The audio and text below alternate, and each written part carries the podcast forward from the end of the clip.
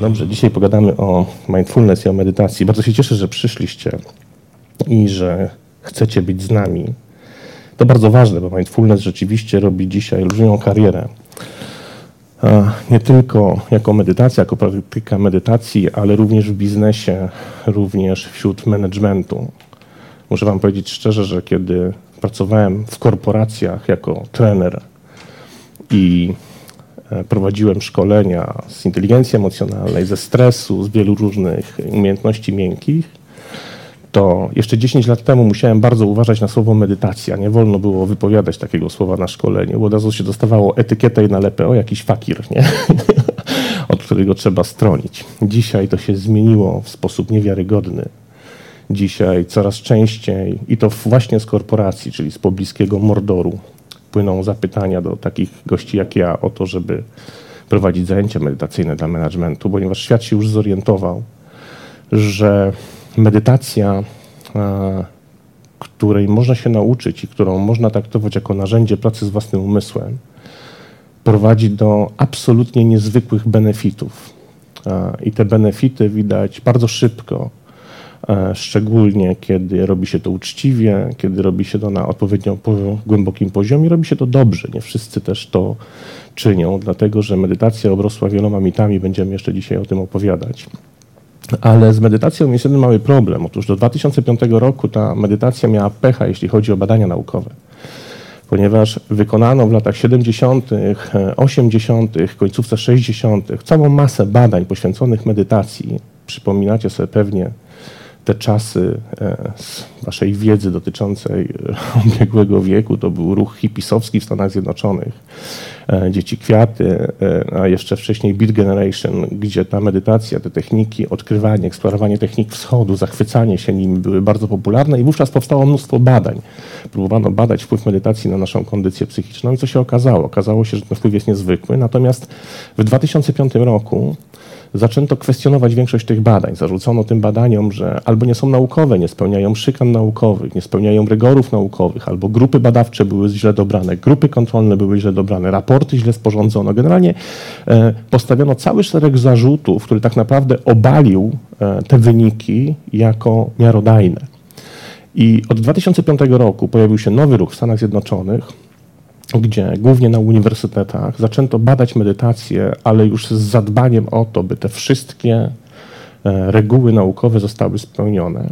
I cóż się nagle okazało? Okazało się, że większość tych badań wykonanych właśnie po 2005 roku potwierdziły te badania, te efekty z lat 60. I teraz naukowcy już stanęli przed takim oto e, faktem. No cóż z tym zrobić? Wyniki są takie same. Wcześniej było nam wygodniej je odrzucać, ponieważ mogliśmy zakwestionować ich naukowość czy sposób prowadzenia badań, a dzisiaj odrzucić już ich nie sposób.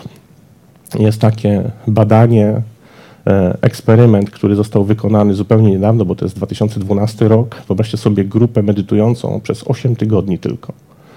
Mm, te medytacje trwały przez 10 minut każdego dnia. Były to medytacje z przewodnikiem. Ja jeszcze będę mówił, na czym mm, polegają medytacje z przewodnikiem, a potem Dorota na swoim warsztacie będzie prezentowała kilka takich medytacji, żebyście mogli też doświadczyć, jak to wygląda. Ale wyobraźcie sobie grupę, która przez 8 tygodni codziennie medytuje przez 10 e, minut z przewodnikiem i ta grupa została przebadana przed tą medytacją, przed tym eksperymentem rezonansem magnetycznym i nagle się po 8 tygodniach okazuje, że są fizyczne zmiany w strukturze mózgu. Po 8 tygodniach. Zmieniły się trzy bardzo ważne rzeczy, trzy bardzo ważne ośrodki w naszym mózgu. Przede wszystkim zmniejszyła się masa ciała migdałowatego. Ciało migdałowate to są takie dwie wypustki, które mamy w środku mózgu, takie malutkie kuleczki, które pełnią dość istotną rolę. Mm, my odziedziczyliśmy ich główną rolę po czasach jaskiniowych, były nam wtedy bardzo potrzebne, ponieważ ratowały nam życie. To jest, y, ciało migdałowate to jest taki ośrodek w mózgu, w którym powstaje sławetny mechanizm uciekaj albo walcz. Czyli to jest mm, mm, ciało, które reaguje na bodziec pod warunkiem, że ten bodziec jest wystarczająco silny.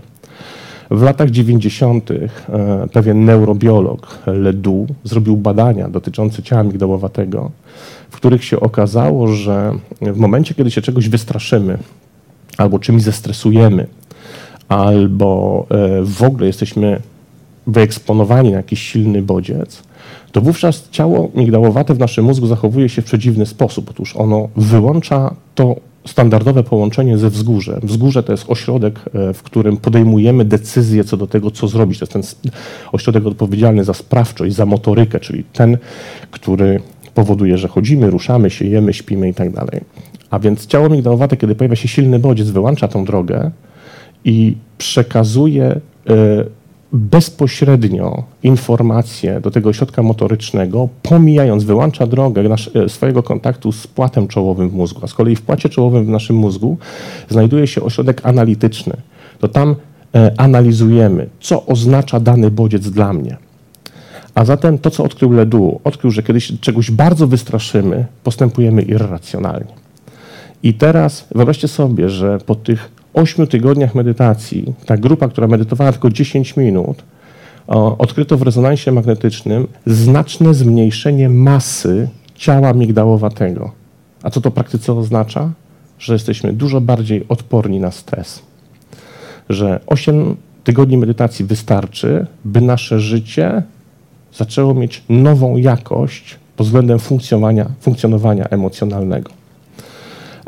I tych badań i efektów tych badań jest y, bardzo wiele. W kolejnym badaniu okazało się, że po iluś y, tygodniach sesji medytacyjnych zwiększa się masa szara w tak zwanym hipokampie. Hipokamp to jest ten ośrodek w naszym mózgu, który jest odpowiedzialny za uczenie się.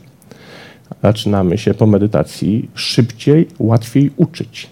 Jesteśmy w stanie łatwiej zapamiętywać. Jesteśmy w stanie w zupełnie inny sposób przyswajać sobie wiedzę na zupełnie nowym poziomie. Ale to nie jedyne profity medytacji wynikające z badań, bo wiele grup deklaruje również e, zmianę pewnych mechanizmów psychologicznych, które się odbywają w naszej głowie i którymi się poddajemy i z którymi nam jest bardzo ciężko w życiu walczyć, a jednocześnie medytacja, kiedy się niej poddamy, kiedy zaczynamy ją praktykować, powoduje, że jest nam łatwiej pokonać te mechanizmy. I dzisiaj opowiem Wam o trzech takich mechanizmach i zobaczycie, czy były również waszym udziałem. Na początek pytanie, czy komukolwiek z was, jak nie z was, to z waszych znajomych, zdarzyła się taka oto przygoda. Jedziesz sobie rano do pracy samochodem, przyjeżdżasz do tej pracy po kilkunastu, kilkudziesięciu minutach, zatrzymujesz się na parkingu, siedzisz sobie w tym swoim aucie i mówisz tak, kurczę, jak ja tu przyjechałem? nie? Kompletnie nagle się zdarza, że nie, nie zarejestrowaliśmy drogi. Nie pamiętamy tego, co się wydarzyło po drodze do pracy. Nagle stoimy pod pracą, jesteśmy w samochodzie i mamy pustkę i dziurę w mózgu. Nie wiemy, jak to się stało. Ta, to zjawisko i ten mechanizm psychologiczny nazywa się automatyzacją. Dlaczego jest taki istotny i dlaczego taki niebezpieczny? Otóż nasz mózg to jest organ, który wbrew pozorom, bo tego mało kto zdaje sobie z tego sprawę, żeby normalnie funkcjonować, potrzebuje bardzo dużej dawki kalorii. I teraz mózg y, na etapie ewolucji naszego istnienia przyzwyczaił się do tego, a właściwie wypracował pewną strategię oszczędzania tych kalorii. I żeby zaoszczędzić ten pobór energetyczny z organizmu, dokonuje pewnych automatyzacji. Czyli jeśli znamy pewne czynności, a dokładnie sekwencje czynności, które wykonujemy przez lata, to mózg nauczył się tych czynności i wyłącza nam wtedy racjonalne myślenie po to, żeby zaoszczędzić energię. To jest sytuacja, kiedy wchodzisz rano do łazienki, wiesz doskonale, że po prawej stronie przy lusterku jest szczoteczka do zębów, koło niej leży szczoteczka, więc nie ma sensu się zastanawiać, gdzie jest moja szczoteczka, przecież leży zawsze w tym samym miejscu. I twój mózg nauczył się takiej automatyki, po to byś mógł automatycznie sięgnąć po szczoteczkę i automatycznie sięgnąć po pastę do zębów i z niej skorzystać. I to jest ok dla naszego mózgu. On w ten sposób oszczędza kalorie. Tyle, że automatyzacje, jeśli nie są przez nas kontrolowane, prowadzą do bardzo niebezpiecznych i bardzo destrukcyjnych zjawisk. Bo okazuje się, że bardzo wiele wypadków motoryzacyjnych, wypadków drogowych powstaje właśnie w sytuacji, w której mózg jest w procesie automatyzacji. A co jest proces automatyzacji? On powinien być skonstruowany w taki sposób, żebyś nie musiał myśleć, czy nie musiała myśleć o tym, co robisz. Tyle, że my to przekombinowujemy. Ponieważ kiedy jedziemy samochodem i nie myślimy o tym, gdzie jedziemy, ponieważ znamy tą trasę, jechaliśmy tą trasą tysiące razy, znamy światła, układ świateł, układ skrzyżowań i o tym nie myślimy, to jednocześnie pozwalamy naszemu mózgowi na myślenie o czymś zupełnie innym. I w rzeczywistości automatyzacja staje się destrukcyjnym zjawiskiem dla naszego systemu, dlatego że jedziesz samochodem, nie jesteś do końca świadoma tego, czy świadomy tego, że jedziesz, ponieważ jedziesz na automatycznym pilocie, a jednocześnie twoja głowa jest zupełnie gdzie indziej. Jesteś myślami przy dzisiejszym wieczorze, przy wczorajszej kolacji, przy dzisiejszym obiedzie, przy tym, co się stanie, jak dojedziesz do pracy, przy swoich projektach, nad którymi pracujesz. Masz cały czas zajętą głowę. I tak naprawdę ta automatyzacja, która ma być dla nas dobra, w tym wypadku staje się dla nas zła, ponieważ nie jesteśmy tak czujni, nie jesteśmy wtedy tak uważni, nie jesteśmy tak obecni, żeby poradzić sobie w tym samochodzie z jakimś niespotykanym wydarzeniem. I te automatyzacje zdarzają nam się każdego dnia. Co się dzieje, kiedy medytujemy? Uczymy nasz mózg zupełnie innego funkcjonowania. Uczymy, że automatyzacja nie jest dla nas dobra. W medytacji zamiast automatyzacji wprowadzamy uważność tego, co robisz. Możesz mieć zęby i medytować. Możesz chwycić za szczoteczkę do zębów i włączyć medytatywny umysł, czyli być obecna, obecna tu i teraz podczas tej czynności i w pełni jej świadoma.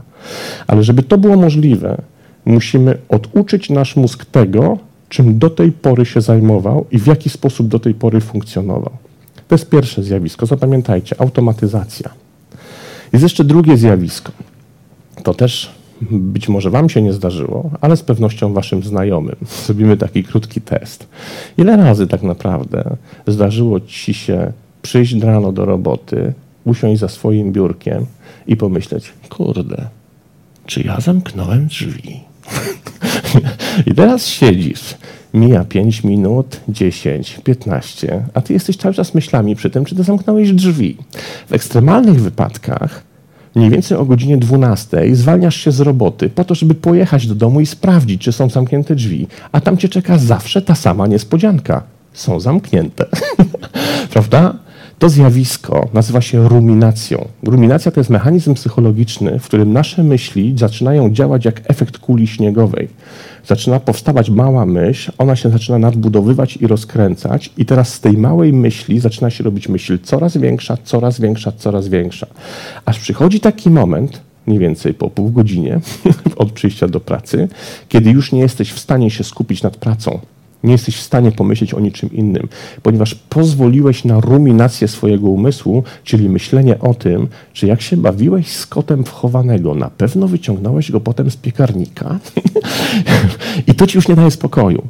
I teraz ruminacja powoduje, że my tracimy efektywność, my tracimy możliwość sprawczości i skuteczności w tym, co robimy, ponieważ pozwalamy, by całą masę energii zażerała nam ruminacja, czyli te natrętne myślenie.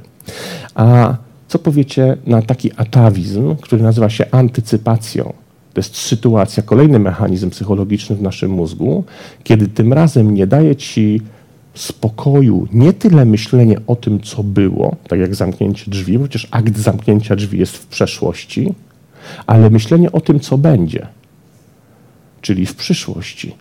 Co mnie czeka? Szef cię woła na spotkanie i ty nie możesz zasnąć, ponieważ przez całą noc myślisz, co cię czeka w ciągu tej rozmowy, jak niemiła ona może być. I teraz co się dzieje w twoim mózgu? Zaczyna się ruminacja, ale zwrócona w przyszłość, czyli taki rodzaj antycypacji, w którym ty się karmisz swoim własnym wyobrażeniem o przyszłości i nadbudowujesz. To jest tak, byś pisał, pisała scenariusze dotyczące tego, co się stanie i zwróćcie uwagę, im później w noc, tym scenariusze są coraz gorsze i coraz czarniejsze. I wtedy jest ta piękna sytuacja, to takie jakby logika naszego mózgu, oczywiście iluzoryczna, bo wcale nam nie pomaga. To jest logika, która mówi, nie, lepiej o tym nie myśleć.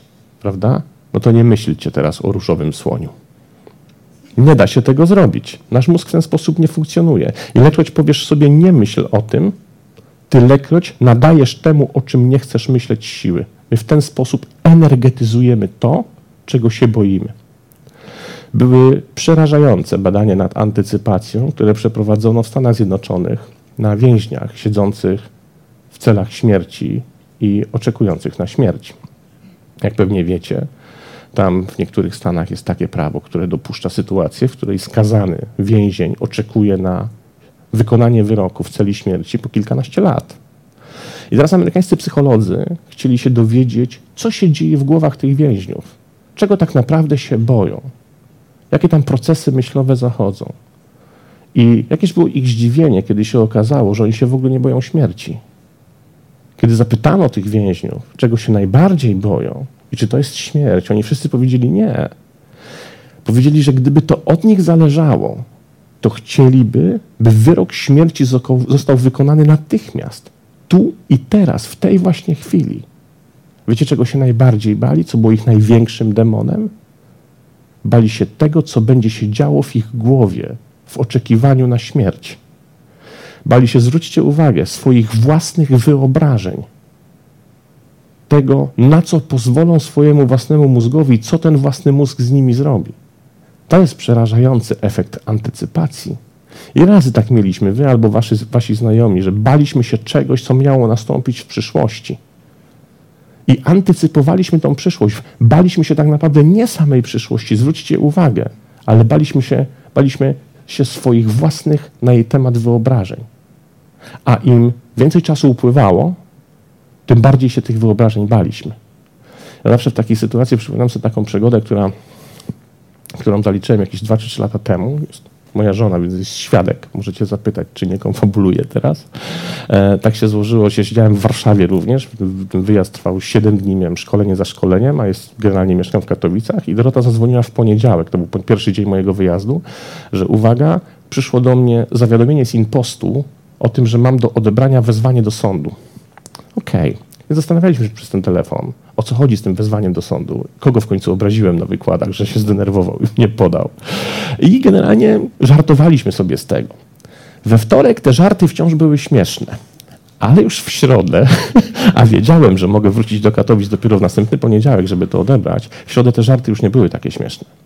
Mniej więcej w piątek już rozważaliśmy emigrację, a w sobotę byliśmy spakowani. W końcu, słuchajcie, wróciłem w poniedziałek do tych Katowic, wziąłem to, ten blankiet z tego impostu, poszedłem do tej pani z okienka, przychodzę mówię, proszę pani, ja przyszedłem po to, po to wezwanie do sądu. Ona tak bierze ten blankiet, patrzy na mnie, panie, jakie wezwanie? Nam się zwykłe blankiety skończyły. Widzicie? To jest dokładnie mechanizm, który robimy sobie w swojej własnej głowie. To jest antycypacja, to jest myślenie o przyszłości. To jest mechanizm związany właśnie z tą ruminacją. Czy pozwalamy, by nasze myśli, nasze własne wyobrażenia przejmowały nad nami władzę?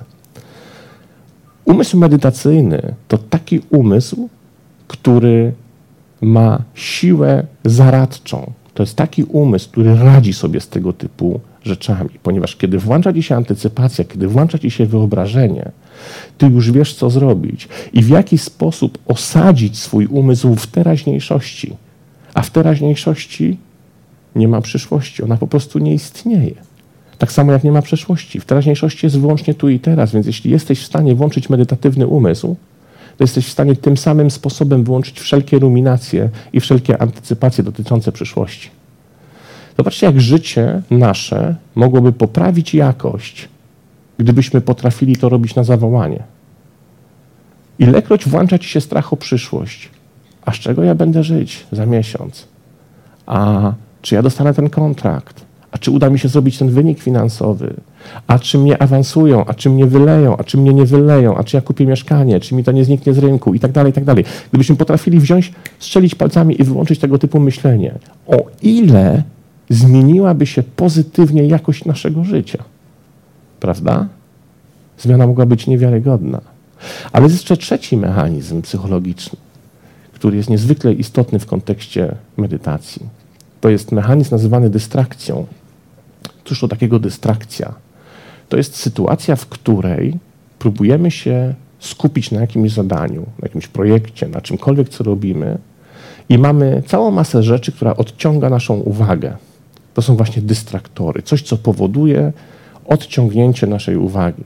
Jak na przykład pracuję w firmach, zauważyłem, wiecie, jaki najczęstszy błąd robią polscy, nie tylko polscy menadżerowie zarządzając ludźmi, to jest wzięcie człowieka do określonego zadania, danie mu tego zadania i jednocześnie nie stworzenie mu warunków, by mógł to zadanie wykonać. I teraz co się dzieje? Człowiek ma pracować nad projektem, jesteśmy w korporacji, w open office Dajemy temu człowiekowi do zrobienia ważny projekt. Liczy się czas i jakość wykonania. I ten człowiek idzie, siada przy swoim biurku, a obok ma biurka czterech kumpli. Ten gada o dzisiejszym piwie, tamten gada o wczorajszej kłótni z żoną, ten szuka przez internet biletów na mecz, a ten czwarty jeszcze coś innego, słucha akurat muzyki. Jak myślicie, jaki ma to wpływ na efektywność tego gościa, który ma robić projekt? To jest jeden z podstawowych błędów. Idź coś zrób. I menadżer przestaje się interesować, czy warunki będą sprzyjały temu, by to zrobić, czy też będą przeszkadzały temu, by to zrobić. Ciekawe badania zrobiono kiedyś e, dotyczące właśnie dystraktorów. Właśnie taką sytuację. Mamy halę fabryczną. Na tej hali fabrycznej jest sobie tokarz, który stoi przy tokarce i toczy na tej tokarce jakieś tam, nie wiem co, małe kółeczka. I ma taki limit dzienny, że tych kółeczek małych ma wytoczyć, nie wiem, powiedzmy 100. No i sobie toczy te kółeczka. I nagle na tej hali fabrycznej pojawia się wycieczka z przewodnikiem dzieci ze szkoły podstawowej. I sobie idą przez tą halę fabryczną i ten przewodnik opowiada im, co się znajduje w tym zakładzie pracy. I teraz oczywiście ta wycieczka i w ogóle przedmiot tej wycieczki kompletnie nie dotyczy tego tokarza.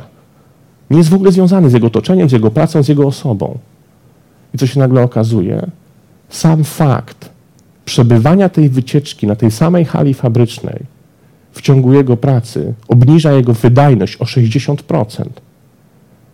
On jest mniej skuteczny, on jest mniej wydajny. Dlaczego? Ponieważ wycieczka działa na niego jak dystraktor, ona go odciąga. On nie wie, czy on jest obserwowany, on nie wie, co oni o nim, o nim myślą, on nie wie, co oni o nim sądzą, czy oni o nim rozmawiają, czy przewodnik właśnie jego nie pokazuje jako przykład czegoś tam i traci wydajność. To jest dystraktor, to jest coś, co odciąga naszą uwagę.